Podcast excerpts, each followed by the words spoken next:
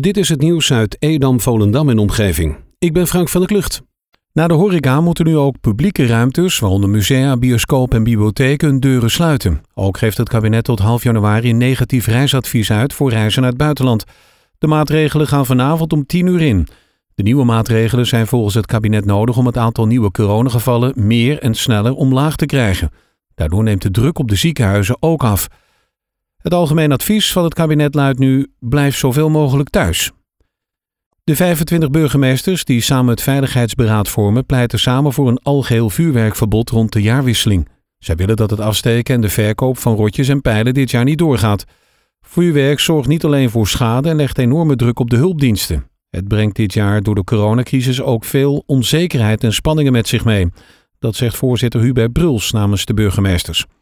De Tweede Kamer debatteert deze week ook over het verbod. Gisterochtend is met een enorme kraan de 17 meter hoge en 60 jaar oude plataan uit de Pierenbaan in Waterland uit de grond getild.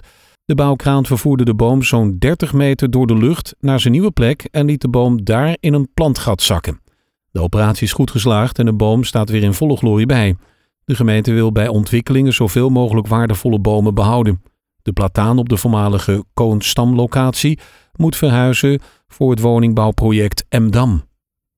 Burgemeester Bijl heeft gisteren een drugspand aan de Kantenkoogweg in Purmerend voor drie maanden gesloten. In het pand is een hennepkwekerij aangetroffen. De burgemeester is volgens de opiumwet bevoegd om over te gaan tot sluiten van een pand. Dat mag alleen voor bepaalde tijd en als er sprake is van de aanwezigheid van drugs boven de normen voor eigen gebruik. De sluiting is bedoeld om de bekendheid van het pand als drugspand te doorbreken en de openbare orde te herstellen. Vandaag gaat de kastanjeboom op de Kaasmarkt in Purmerend eruit. De boom is doodgegaan door de kastanjebloedingsziekte en moet worden vervangen. Op maandag 16 november komt er een hopbeuk voor terug. Voordat de nieuwe boom erin gaat, wordt de grond bewerkt om de groeiplaats voor de nieuwe hopbeuk te verbeteren. Deze nieuwe werkwijze komt uit het bomenplan van de gemeente. Dirk van der Broek is na vier jaar teruggekeerd in Volendam in een nieuwe winkel nadat in 2016 de supermarkt door brand werd verwoest.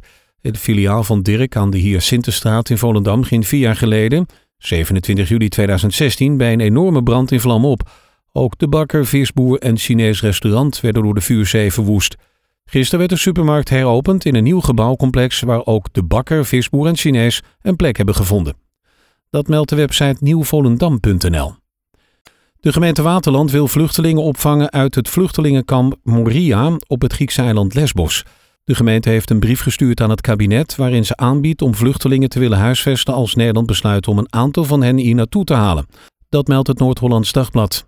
Het vluchtelingenkamp met voornamelijk vluchtelingen uit Afghanistan en Syrië werd eerder dit jaar getroffen door een corona-uitbraak. In september werd het kamp grotendeels verwoest door brand. Voorlopig is het niet bekend hoeveel vluchtelingen gemeente Waterland wil opvangen. Naast de gemeente Waterland hebben ruim 160 gemeentes in Nederland aangegeven vluchtelingen uit het kamp Moria te willen opvangen. Stichting Maatschappelijk Dienstverlening organiseert op maandag 16 november om half zeven een workshop voor werkende mantelzorgers. In deze workshop krijg je informatie over wettelijke en bedrijfsspecifieke regelingen, zoals bijvoorbeeld de verschillende verlofregelingen. Ook gaan de deelnemers met elkaar in gesprek over wat helpt of heeft geholpen om werk- en mantelzorgtaken goed te kunnen combineren. Bovendien wordt er aandacht besteed aan hoe je een gesprek kunt voeren met leidinggevenden over de mantelzorgtaken. En krijg je de do's en don'ts hiervoor. Judith Michel is gisteravond tijdens een bijzondere raadsvergadering officieel geïnstalleerd als burgemeester in het dorpshuis Weidewormer. Commissaris van de Koning Arthur van Dijk nam in aanwezigheid van de leden van de gemeenteraad en familie de belofte af, zo schrijft NH Nieuws. Judith Michel is sinds 14 april burgemeester van de gemeente Wormerland. Al twee keer eerder werd de bijeenkomst vanwege corona afgeblazen, maar gisteravond was het toch mogelijk een bijzondere raadsvergadering in beperkte vorm te houden. Tot zover het nieuws uit Edam, Volendam en omgeving. Meer lokaal nieuws vindt u op de Love Kabelkrant, onze website of in de app.